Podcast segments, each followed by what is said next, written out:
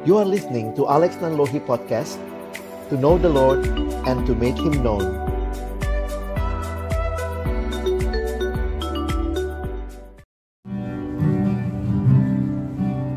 Mari kita berdoa. Bapa biarlah kerinduan hati kami Untuk mengenalmu lebih dan lebih lagi. Tuhan yang sekiranya menjawab Menyapa kami dengan kebenaran firman-Mu. Sore hari ini kami akan membuka firman-Mu. Kami mohon ya Tuhan bukalah juga hati kami. Jadikanlah hati kami seperti tanah yang baik. Supaya ketika benih firman Tuhan ditaburkan. Boleh sungguh-sungguh berakar. Bertumbuh. Dan juga berbuah nyata dalam hidup kami. Berkati baik hambamu yang menyampaikan firman. Setiap kami yang mendengarkan firman. Tuhan tolonglah kami semua. Agar kami bukan hanya menjadi pendengar-pendengar firman yang setia, tapi mampukan kami dengan kuasa dari rohmu yang kudus. Kami dimampukan menjadi pelaku-pelaku firman-Mu di dalam hidup kami, di dalam masa muda kami. Bersabdalah ya Tuhan, kami umatmu sedia mendengarnya dalam satu nama yang kudus, nama yang berkuasa, nama Tuhan kami Yesus Kristus. Kami menyerahkan pemberitaan firman-Mu. Amin. Silakan duduk.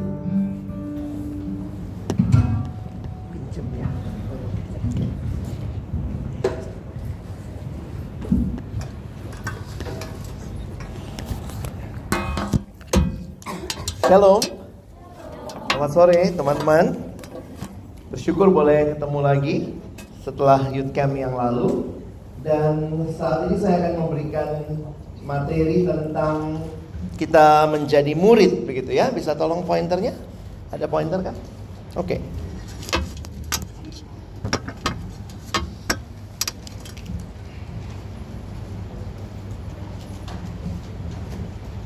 Saya beri judul sesi kita sore hari ini uh, identity our identity as Christ disciples.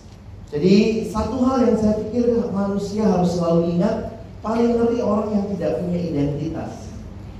Orang yang lupa identitasnya. Kadang-kadang kalau nonton sinetron Indonesia suka gitu ya. Tiba-tiba apa um, kalau mau dipanjang-panjangin lalu dia jatuh, hilang ingatan gitu ya. Kemudian nanti dari situ mulailah identitas pencarian identitas. Apa yang menarik kalau kalian perhatikan banyak film belakangan ini itu semua bicara temanya identity. You like it or not, it's more about identity. Sudah nonton film apa aja belakangan? Joker. Yeah, yeah, it's about identity.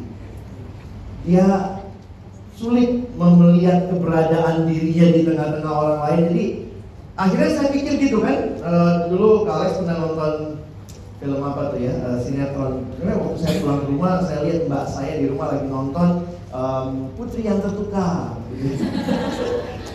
Saya kaget juga waktu nonton gitu ya saya lihat gitu ya Putri yang tertukar. Saya lihat itu episodenya sudah episode 400 sekian. Itu kan putrinya lagi tertukar udah neneknya yang tertukar kan ya. Jadi bagi saya harusnya kalau mikir sederhananya kan saya orang jatuh bilang ingatan bagus itu bawa KTP ke mana-mana kan kartu identitas. Jadi kalau misalnya dia jatuh, aku siapa? Aku siapa? Ini kamu lihat. Ini kamu. Sudah jelas. Rumahku di mana ini? Alamatmu jelas. Kasih ongkos pulang. Jadi sebagai murid Kristus, saya pikir kita harus pegang identitas itu. What is your basic identity? Apakah kamu murid Yesus yang kuliah di UPH? Apakah kamu mahasiswa UPH yang kebetulan murid Yesus? tipis bedanya ya. Apakah saya adalah murid Kristus yang berkuliah di UPH ataukah saya anak UPH yang kebetulan murid Kristus? Which one is your basic identity? I hope kamu mengerti saya ini murid Kristus. Waktu kamu lulus dari UPH, you are still Christ disciple. Itu bukan hal yang berubah-ubah. Tapi itulah satu realita dasar our basic identity. Oke? Okay? Nah, teman-teman saya mau mulai dengan slide ini ya. What is the meaning of Christian? Jadi menarik sekali kalau kita bicara tentang kekristenan, waktu kita bicara Kristen, uh, Christian, yang menarik adalah di Alkitab kita hanya muncul tiga kali loh kata Kristen. Can you imagine? It's only three times in our Bible. Kalau kalian buka Alkitab, kalian searching, khususnya perjanjian baru, memang terjemahan Alkitab Indonesia, terjemahan baru, itu sampai 6 kali, 6 atau 7 kali. Tapi kalau cek bahasa aslinya itu cuma muncul 3 kali. Ya. Pertama kali munculnya di sini. Kisah Rasul 11 ayat 26. Kita baca sama-sama ya. Satu, dua ya. Mereka tinggal bersama-sama dengan jemaat itu satu tahun lamanya sambil mengajar banyak orang. Di Antioquia Allah murid-murid itu untuk pertama kalinya disebut Kristen. Ini Paulus dan Barnabas. Mereka tinggal dengan jemaat di Antioquia dan di situ untuk pertama kalinya disebut Kristen. Oke? Okay? Jawabnya gini ya. Di tanah Batak lah murid-murid itu untuk pertama kalinya disebut Kristen. ya, kalau Kristen di Antioquia yang pertama ya. Hal kedua, perhatikan. Ada di dalam kisah Rasul pasal 26 ayat 28. Masih ingat waktu Paulus menghadapi trial di depan Raja Agripa, ternyata itu kesempatan Paulus juga terus memberitakan Injil. Sampai Raja Agripa ngomong begini, hampir-hampir saja kau yakinkan aku menjadi orang Kristen. Jadi di kitab kisah Rasul dua kali kata Kristen, lalu satunya lagi muncul di 1 Petrus 4. Lihat ayatnya ya. 1 Petrus 4 ayat 16. Ayo kita baca sama-sama. Satu dua ya. Tetapi jika ia menderita sebagai orang Kristen, maka janganlah ia malu, melainkan hendaklah ia memuliakan Allah dalam nama Kristus itu. Jadi kalau teman-teman perhatikan, di dalam tulisan Rasul Paulus yang menulis 13 surat tidak ada kata Kristen.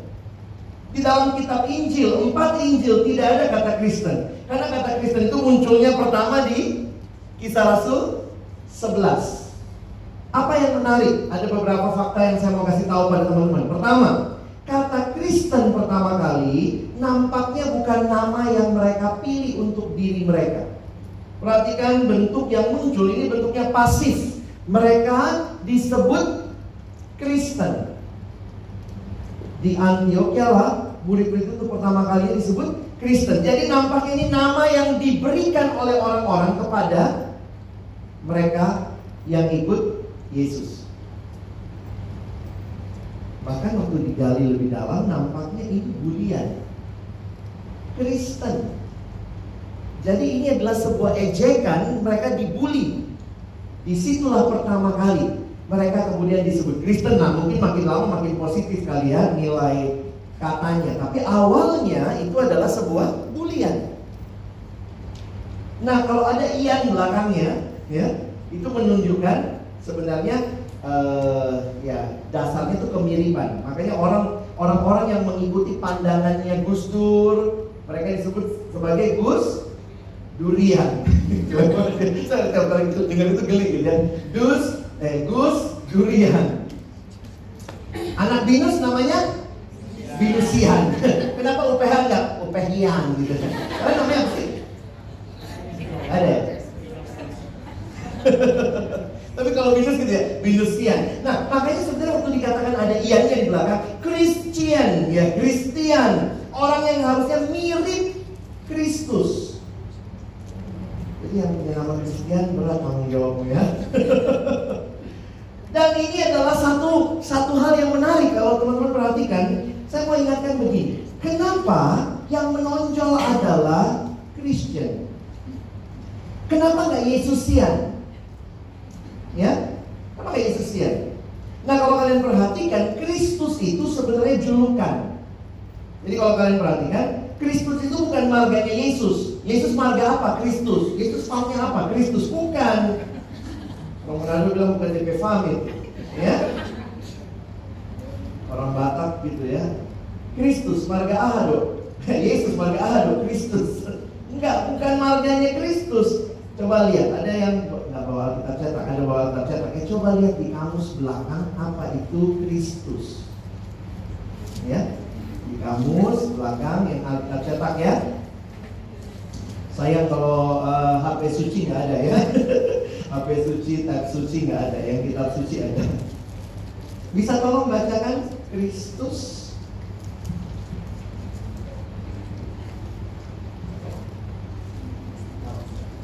Ika.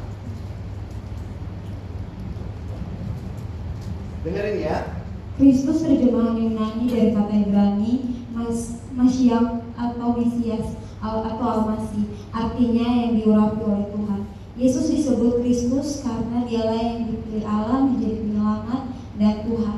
Akhirnya Kristus juga menjadi nama diri Kristus. Akhirnya memang Kristus jadi nama diri, jadi Yesus Kristus. Tapi sebenarnya Kristus adalah sebuah sebuah julu, eh, julukan ya, sebuah status. Yesus Kristus. Kristus itu adalah terjemahan Yunani dari kata Ibrani Mesias. Jadi waktu bilang Yesus Kristus itu berarti Yesus Mesias. Bahasa Arabnya apa? Al-Masih. Makanya sebenarnya kalau mereka ngomong Isa Al-Masih, mereka ngaku Yesus Mesias.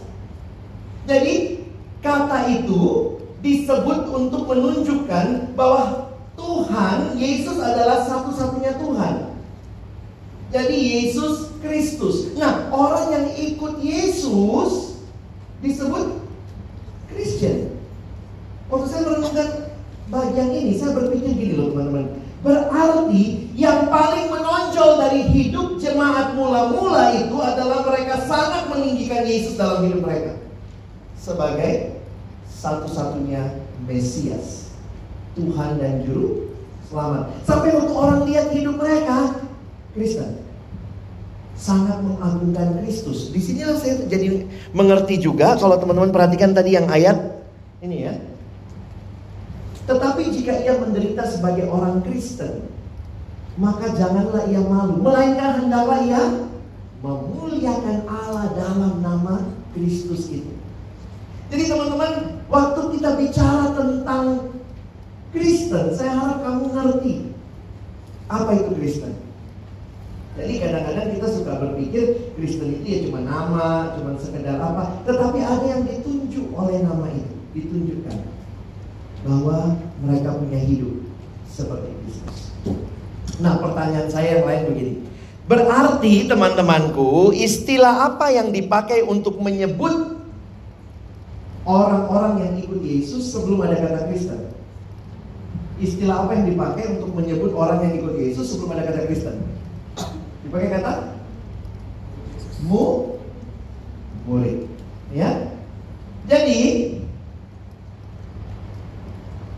kata murid adalah suatu sebutan yang umum digunakan dalam Alkitab secara khusus perjanjian baru untuk menunjuk kepada para pengikut Yesus sebelum mereka disebut dengan istilah Kristen. Sebenarnya jelas juga dari ayat pertama tadi ya, coba lihat.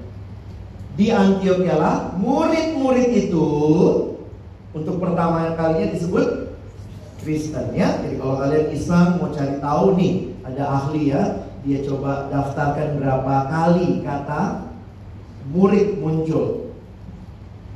Kata bahasa Inggris pakai istilah disciple itu dari bahasa Yunani. Murid itu matetes. Artinya seorang pengikut, a follower. Ada yang bahkan bilang begini, sebenarnya matetes itu punya pemahaman yang lebih dalam, beda sama kalian sekarang. Kalian bilang disebut murid sekolah misalnya waktu SMA, tapi kalian beda dengan pola zaman itu. Karena waktu itu orang itu datang ikuti gurunya. Jadi murid itu adalah orang yang berjalan persis di bekas telapak kaki gurunya. Kadang-kadang kalau kita sekarang gitu ya, kalian nggak ada yang ikutin guru pulang ya, kecuali itu mamamu ya.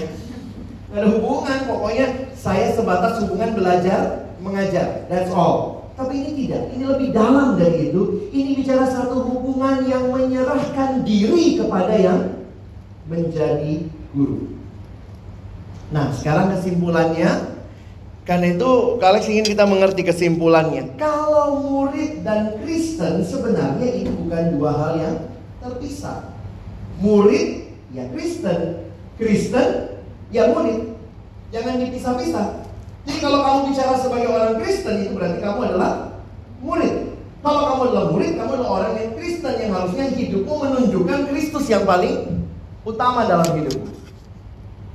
Sayangnya sekarang ini di banyak gereja, di banyak tempat kita tanpa sadar membuat pemuridan itu jadi program.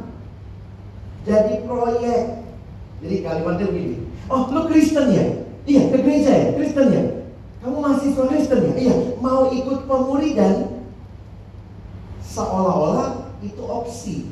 You can be a Christian without being a disciple. No, that is not an option. Kalau saya Kristen berarti saya murid. Makanya saya berharap kalian yang menyerahkan diri mengikuti follow up ini jangan merasa ini cuma sebuah program. Ini adalah how you live your life as a Christian. Itulah yang kita mau bangun di sini.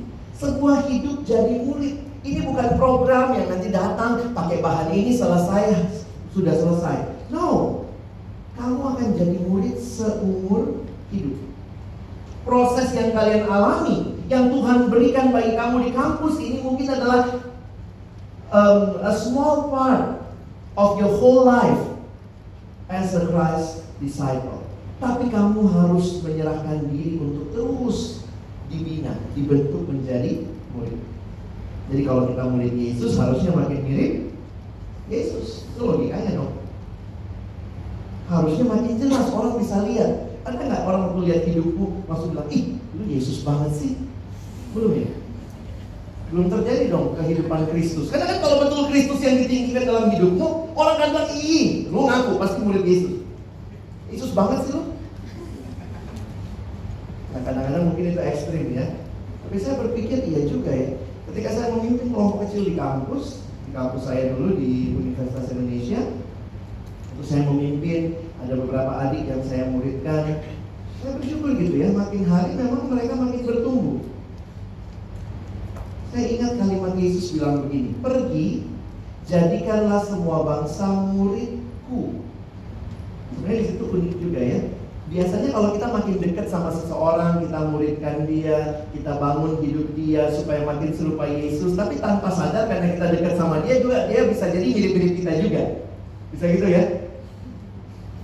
Saya beberapa kali juga ada yang bilang gini ya, jadi ada satu adik kelompok adik kelompok pemuridan saya, waktu dia dia rapat nih, udah rapat panitia apa lah waktu itu. Terus waktu dia ngomong begini begini begini begini, terus teman-teman ngomong, lu Alex banget sih. kayak terjadi transfernya gitu ya cara ngomongnya pakai cara saya, cara logika berpikirnya. Tapi saya selalu ingatkan diri saya, saya tidak membentuk orang jadi murid saya. Apa kebanggaan yang mirip Alex? Gak ada, itu doang. Bangganya adalah kalau kamu mirip. Harusnya begitu. Kadang-kadang memang karena kesamaan ya. Kita sama-sama muridnya siapa lalu kemudian apa? Ada satu kali saya datang ke satu kampus lalu kemudian anak-anaknya bilang halo kak. Saya kaget lihat tiga cewek pakai baju sama. Itu ada apa tuh? Power puff girl ingat gak? ya itu berapa warna sih? Tiga ya? Tiga warna kalau nggak salah ya. Jadi mereka tuh bertiga pakai pakai uh, baju kaos yang sama terus kemudian saya tanya kok kalian kembar bajunya? Saya kan nggak terlalu tahu itu siapa gitu ya. Iya kak. Kami kan satu kelompok pemuritan oh gitu ya? Oh kalian siapa? We are the power girl. Saya bilang wah ini ya bagus sih ya. Kadang-kadang ada ada kemiripan-kemiripan. Karena kita satu kelompok kita satu tim. Tapi ingat ya kita nggak sedang membangun kemiripan seperti kemiripan manusiawi semata. Kita harusnya makin mirip ya Oke, nah saya ingin masuk sedikit lagi kepada bagian yang lain untuk teman-teman menyadari bahwa ingat ya, ini identitas kita, kamu bawa sampai mati. Ketika engkau serahkan diri, terima Yesus dalam hidupmu, start from that moment, kamu dan saya adalah murid Kristus. Ini mata kuliah yang tak pernah selesai. Ujiannya terus menerus, wisudanya nanti surga. Ada yang mau wisuda duluan? Ini selamatnya. Nah ini lihat kalimatnya ya. Jesus doesn't simply call us to believe that He existed or even to believe that He can save us. He calls on us to commit our whole life to Him to trust Him alone for our salvation, and then, nah saya bold khusus ya, to follow Him as His disciples. Kalau saudara ingat, Yesus datang, bagi saya akhirnya saya mengerti satu paket ya. Yesus tidak datang hanya untuk menyelamatkan manusia. Kalau cuma untuk menyelamatkan manusia, udah selesai pulang dia ke surga. Tapi yang terjadi adalah dia membawa mereka mengikut dia. Nah proses membawa orang menjadi murid Kristus itulah yang sebenarnya namanya proses pemu pemuridan. Banyak orang sadar, saya harus jadi murid, saya harus jadi murid. Tapi apakah kita menyerahkan diri terlibat di dalam sebuah proses yang namanya pemuridan? Pemuridan itu apa sih kak?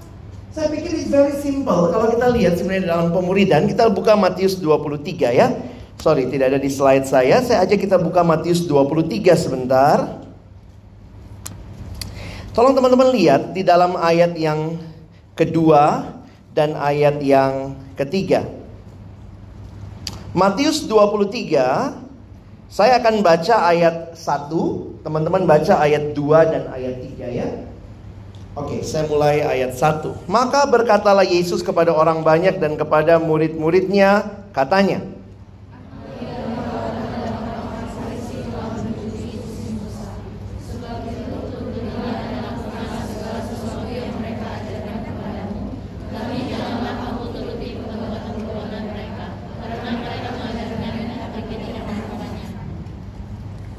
Waktu saya baca ini pertama kali, dulunya Kales pikir semua tentang orang Farisi Yesus nggak suka. Ada nggak yang Yesus puji dari orang Farisi? Ada nggak? Apa yang bagus? Ajarannya bagus. Masalah mereka di mana? Tidak melakukan. Bayangkan ya, sudah mengajarkan tapi tidak melakukan. Kalau begitu, saya balik. Kalau Farisi itu mengajarkan atau mungkin saya pakai istilah, dia tahu masalahnya dia tidak lakukan. Kalau murid gimana? Harusnya mengajarkan dan melakukannya, tahu dan melakukan. Jangan dibalik. Kalau murid berarti tidak tahu tapi melakukan kayak tetap ada yang diketahui ya. Karena itu kita tetap membutuhkan pembinaan, butuh bahan. Jadi perhatikan, murid itu beda. Kalau Farisi itu tahu tapi tidak melakukan, murid berarti tahu dan melakukan. Jadi sebenarnya jadi murid itu gimana sih? Kamu tahu, kamu lakukan yang kamu tahu. Nah sering kali dalam kehidupan kita, Tuhan hadirkan saudara-saudara seiman, mentor, pemimpin, yang menolong kita tahu firman, belajar firman dan juga melakukan firman. Saya beberapa kali bukan kelompok pemuridan ada berbagai istilah kelompok kecil, komsel, apalah namanya di sini kalian pakai istilah uh, basic gitu ya. Tapi poin saya adalah begini. Yang paling sulit memang bukan ngajarinnya, tapi ngelakuinnya. Ya ada udah diajarin nih, kita udah PA sama-sama ya. Penting sekali penting. Mau saat teduh? Mau. Minggu depan ditanya, gimana dek saat teduhmu? teduh kak, teduh. ya, makanya bersyukur ada kelompok. Kelompok itu apa tujuannya? Bukan cuma ngajarin, kalau cuma ngajarin gampang. Tapi kita butuh teman-teman seiman yang mendorong, menguatkan, dan juga sama-sama gitu melakukan. Saya ingat waktu saya pegang nanti kelompok kecil dari siswa. Siswa itu kan lebih ini ya, kalau siswa sebenarnya lebih polos ya. Kalau mahasiswa kan kalian agak-agak mulai bisa atur peran ya. Kalau mahasiswa dia nggak suka kita apa dia tidur di situ. kalau mahasiswa pura-pura masih gini. Padahal udah ada itu pikiran ya. Nah satu waktu saya pegang kelompok itu berenam tuh. Terus kemudian ayo satu dulu Susah banget, ada satu anak sulit banget kita udah pelajarin tentang pentingnya saat teduh, baca Alkitab tiap hari. Kan dari sekolah minggu kita udah tahu ya. Bagaimana bertumbuh adik-adik? Baca kitab suci, doa tiap hari kalau mau tumbuh. Jangan-jangan lagu kita udah ganti. Tidak baca kitab suci, tidak doa tiap hari, tidak bertumbuh. Jadi kayak minggu depan datang lagi Teman-teman udah berhasil nih saat teduh. Kamu gimana? Kak belum, masih teduh. Nah, saya ingetin lagi. Kita ini kelompok pemuridan. Jadi yang saya akan lakukan adalah menolong supaya kamu ikut melakukan. Sebagai pemimpin kelompok saya nggak cuma senang, wah adik saya kalau ujian pelajaran tentang basic dia bisa jawab semua, tapi bukan masalah dia jawab, dia lakukan nggak? Kalau ngejawab pertanyaan Farisi itu pasti 100 kalau bisa seribu kali ya, tergantung berapa soalnya ya. Jadi akhirnya adik ini, kamu gimana? Temennya udah nolong tuh, nolongnya gimana? Jadi besok pagi gua WA lo ya, jadi gantian kan berenam ya. Kau Senin, ini Selasa, ini Rabu gitu ya. Jadi akhirnya teman-teman kelompoknya juga jadi menjadi orang yang menyemangati. Kenapa? Karena kelompok kita bukan sekedar kelompok yang belajar banyak tapi tidak melakukan. Kita mau jadi murid dan bersyukur ada sekian banyak orang yang mau jadi murid bersama-sama. Dan kalian bersyukur ada orang-orang yang nanti akan memimpin kalian. Kerinduannya sih seperti itu ya. Jadi kadang kalau saya pikir ada kan yang pakai nama KTB, kelompok tumbuh bersama. Harusnya kan semua tumbuh ya. Tapi ada juga yang KTB gitu ya, jadi basic pakai nama KTB. Kamu kenapa nggak bertumbuh? Iya bang, kami kalau ketemu KTB kelompok tertawa bersama ada tiap kali kumpul, acaranya apa? Makan-makan. Itu KTB juga kelompok tambah besar. Jadi nggak bertumbuh sebenarnya ya. Aduh, begitulah. Coba lihat lagi nih penekanan firman Tuhan ya. Kalian buka, coba buka Matius 24. Eh, Matius 24. Matius 7 ayat 24. Coba ya, kalau ingat kasih beberapa ayat. Tidak semua saya tulis di slide, maaf. Matius 7 ayat 24. Masih ingat Matius 5 sampai Matius 7 itu khotbah di bukit. Nah, setelah Yesus khotbah di bukit, ternyata dia nggak cuma tutup begitu. Bagi saya ini luar biasa. Dia nutupnya gini ya. Ayat 24. Kita baca gantian sampai 27 ya. Saya mulai 24 dulu. Setiap orang yang mendengar perkataanku ini dan melakukannya, ia sama dengan orang yang bijaksana yang mendirikan rumahnya di atas batu.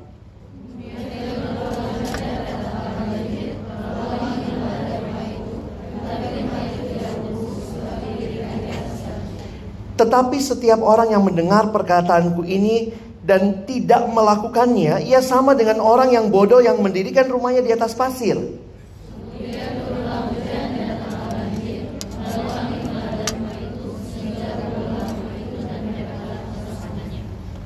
Akhir khotbahnya Yesus kasih cerita ini, pengajaran ini. Ada berapa jenis orang di sini? Dua. Yang pertama apa?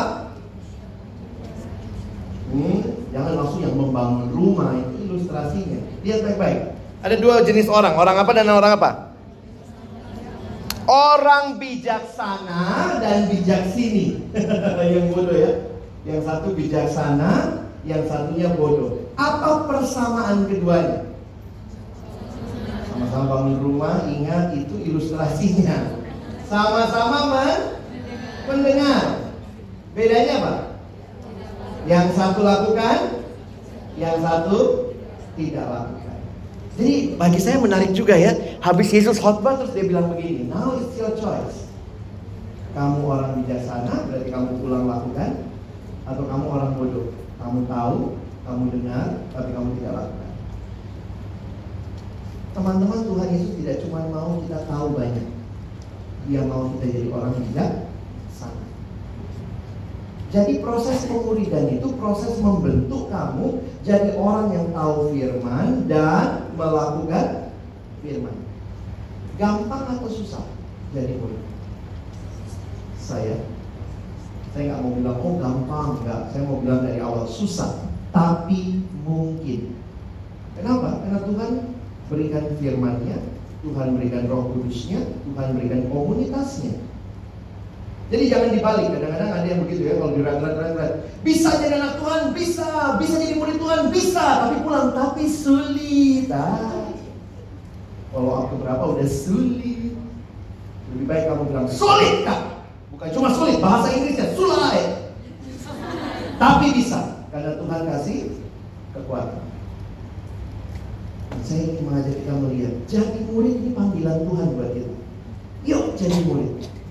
Satu waktu ada satu adik yang pernah saya bina dalam pemuridan di kampus ya.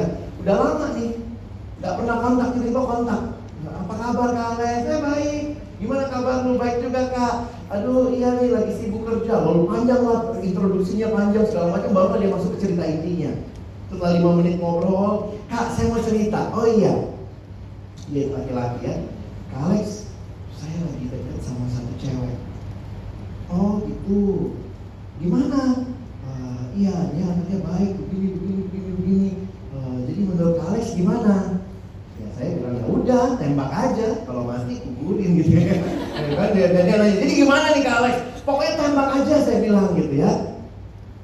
Dia ngomong gini. Nah itulah kak masalahnya. Loh, kok masalahnya? Ia tidak seiman. Keren, keren, keren. Anak ini dulu di kampus ikut pemuridan dengan saya, istilahnya anak basic. Harusnya udah tahu lah, masa nanya lagi. Saya, jadi saya tadinya mikir dia lagi deket sama yang Kristen, jadi makanya saya bilang tembak aja. Begitu dia bilang, oh nggak Kristen kak, jeng jeng jeng. Gimana kak Alex? Putus. Tapi kak, kalau misalnya dia mau begini, kalau misalnya mau ikut saya begini, begini, begini, menurut kak Alex bagaimana? Putus. Maksud saya putus dulu, setelah dia ikut Tuhan sungguh-sungguh baru pacaran lagi gitu kan? Karena kalau dia cuma pacaran mau ikut kamu, siapa tahu ikut kamu bukan Yesus gitu ya. Ada yang begitu habis married, kamu yang ditarik. Jadi, waktu saya dia bilang, tapi kak begini begini begini, saya bilang, kalau saya sih sarannya putus. Tapi kak kalau begini begini, begini gimana? Putus. Tapi kalau gini terus gitu ya, sampai akhirnya saya capek gitu ya. Putus. Jangan jadi orang bodoh. Terus dia bilang, Kak Alex kasar banget ngomongnya. Bukan saya Tuhan Yesus itu. Baca kau. Tuhan Yesus kau. Kita tuh kok. Aduh, mungkin perlu digitu sama Yesus ya. Gue dulu, gue goblok. Tuhan lo yang ngomong. Kamu bijaksana atau bodoh? Cuma dua pilihan.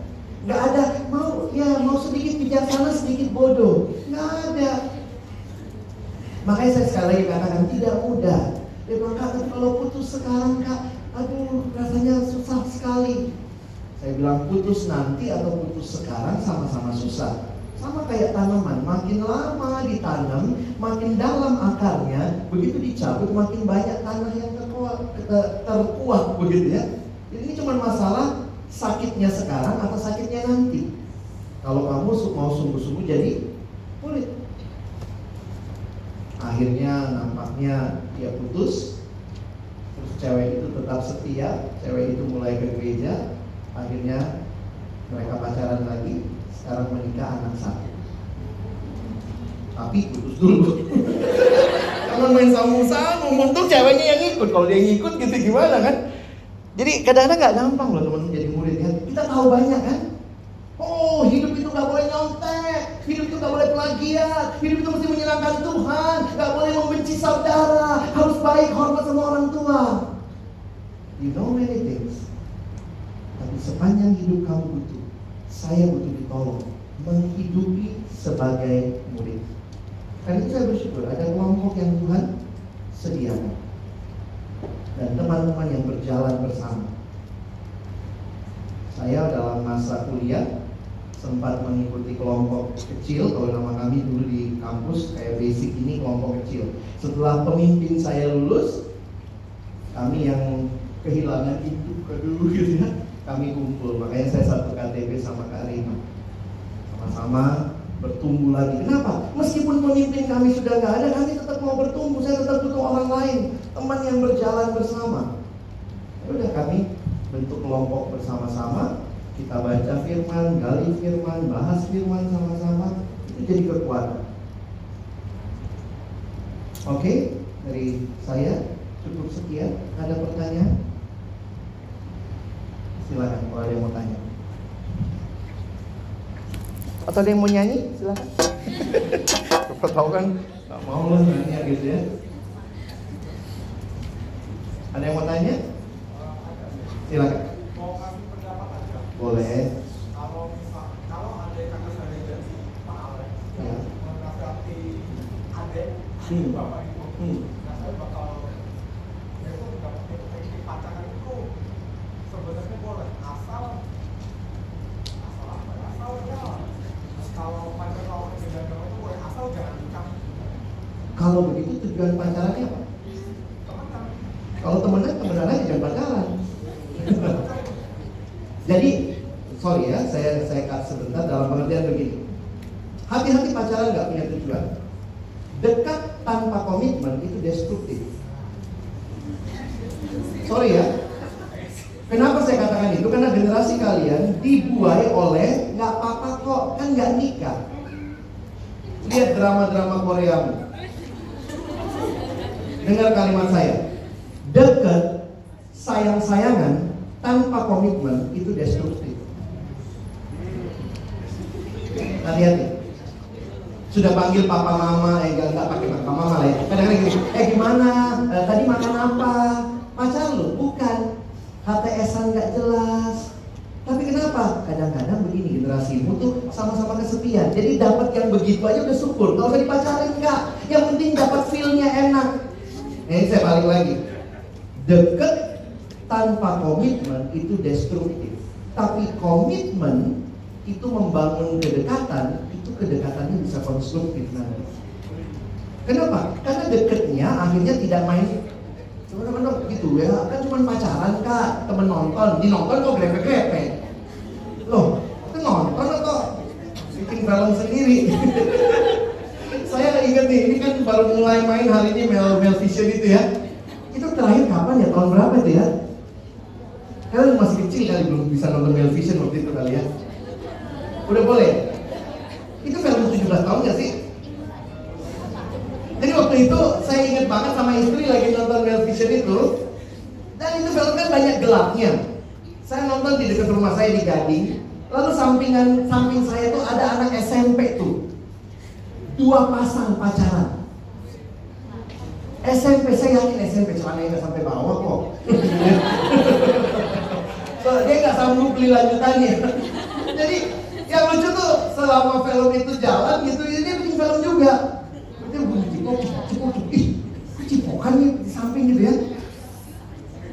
Saya langsung begini kasih sanksi sosial dong ya kayak giniin gitu agak renggang dikit sampai istri saya bilang kenapa sih? Udah ada apa sih kau lihat sana? Ini ada film lain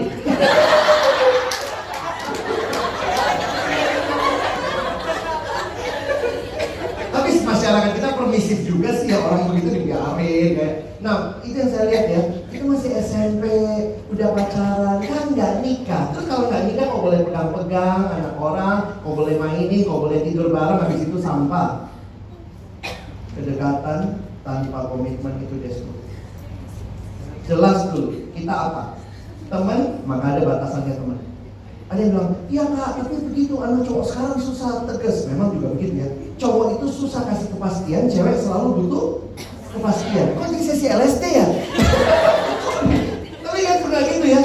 Ada yang bilang gini, kak, dia sudah jemput saya setiap hari dalam seminggu ini dia udah jemput saya tiap hari eh bukan seminggu waktu itu, hampir sebulan. Dalam satu minggu dia dijemput beberapa kali, sampai anak itu nanya, kak sebenarnya dia tuh suka nggak sama saya? Ini cewek yang nanya.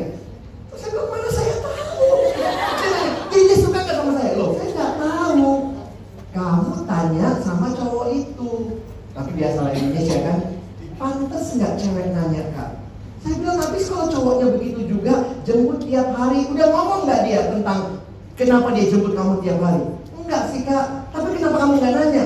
Saya juga suka dijemput. Susah deh. Akhirnya saya bilang, tanya lah. Paling tidak tanyanya gimana? Kalau kamu nggak berani, mungkin ada orang lain.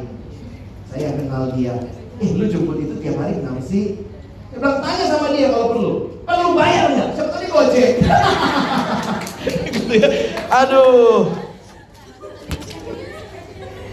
Jadi sorry ya, saya saya harus katakan eh, hati-hati kalau kita nggak punya batasan. Jelas, ini lagi pacaran atau lagi temenan. Anak SMA suka datang sama saya gitu. Kalau saya boleh nggak pacaran? Saya selalu nanya, tujuanmu pacaran apa? Ya biar ada teman. Kalau gitu temenan. Tapi kalau temenan kurang deket, mau deket, pacarin. Tapi nggak mau, nggak siap. Kenapa? Mau pacaran berapa lama? Anak SMA, pacaran. Kalau kuliah saya dorong kalian pacaran ya. Ya wisuda paling nggak ada pendamping lah. Ada yang bilang, wisuda cuma didampingi orang tua, itu wisuda rapor? Contoh gitu. Oke. Maksud saya begini loh. Kalau kalian sudah kuliah, kalian bisa melihat pacaran yang baik ada tujuannya. Kalau saya lihatnya begini ya, teman-teman ya. Kalau pacaran tujuan akhirnya pernikahan dan harus begitu.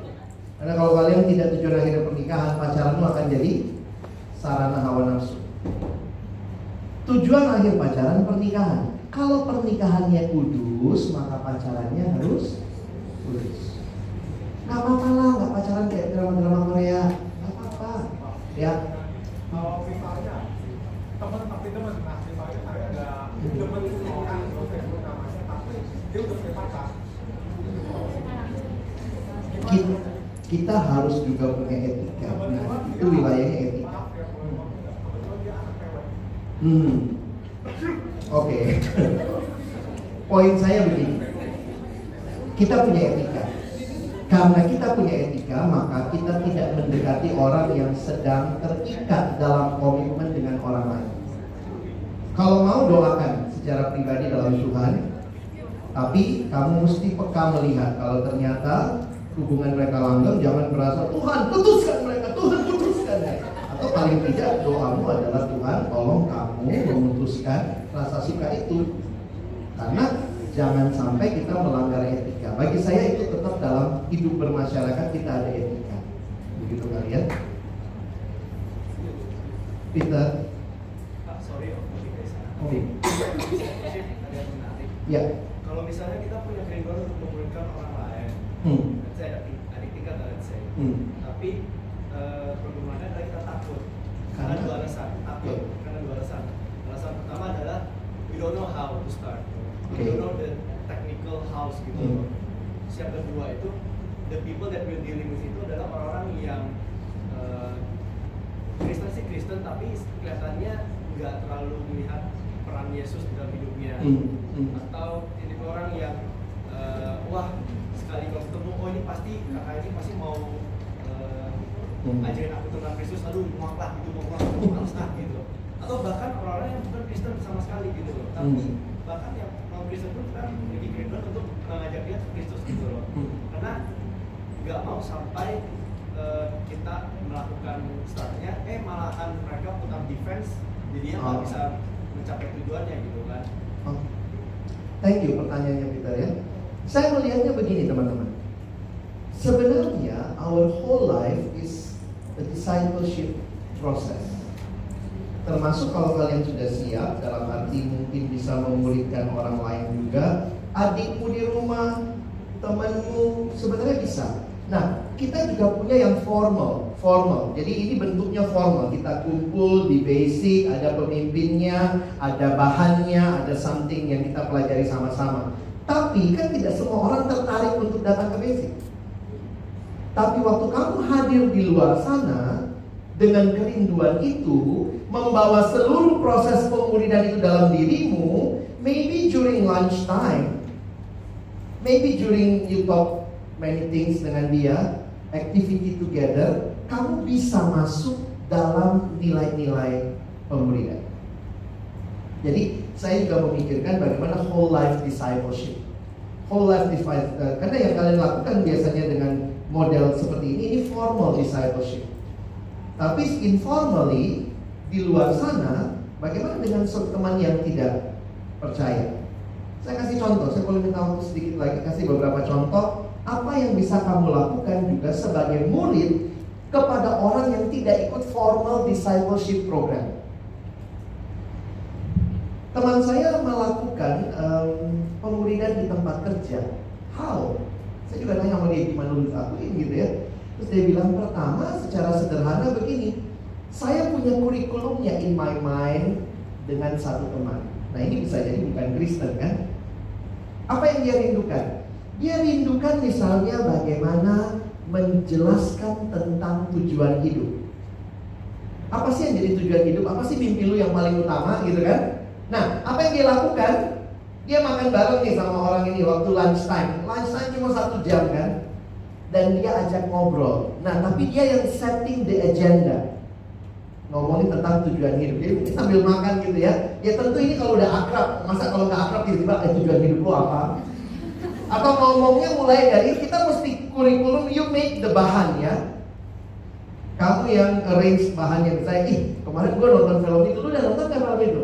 Oh lu udah nonton juga, eh gimana menurut lo? Gila ya, gue bingung dia kayaknya gak punya tujuan hidup tuh ya. Dan di situ kamu bisa generate discussion. Eh, lu sendiri kalau lu jadi pemeran utama tujuan hidup lu apa? Ambil makan, gitu ya. ngomong tujuan hidup gitu. Lalu kemudian saya bisa bicara tentang tujuan hidup saya. And the discussion with oh iya ya, setiap orang punya tujuan hidup. Tapi tujuan hidup yang seperti apa? Nanti pelan-pelan kita akan bisa masuk dalam deep conversation sampai kepada kalian bisa deep conversation about your faith.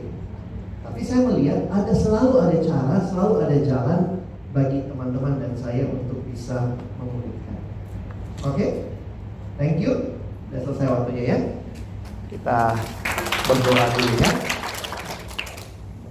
Tuhan kami bersyukur kesempatan ini Tuhan dorong kami kembali lagi. Bukan cuma jadi Kristen, bukan hanya menyandang gelar itu, tapi benar-benar jadi murid yang tahu firman, melakukan firman.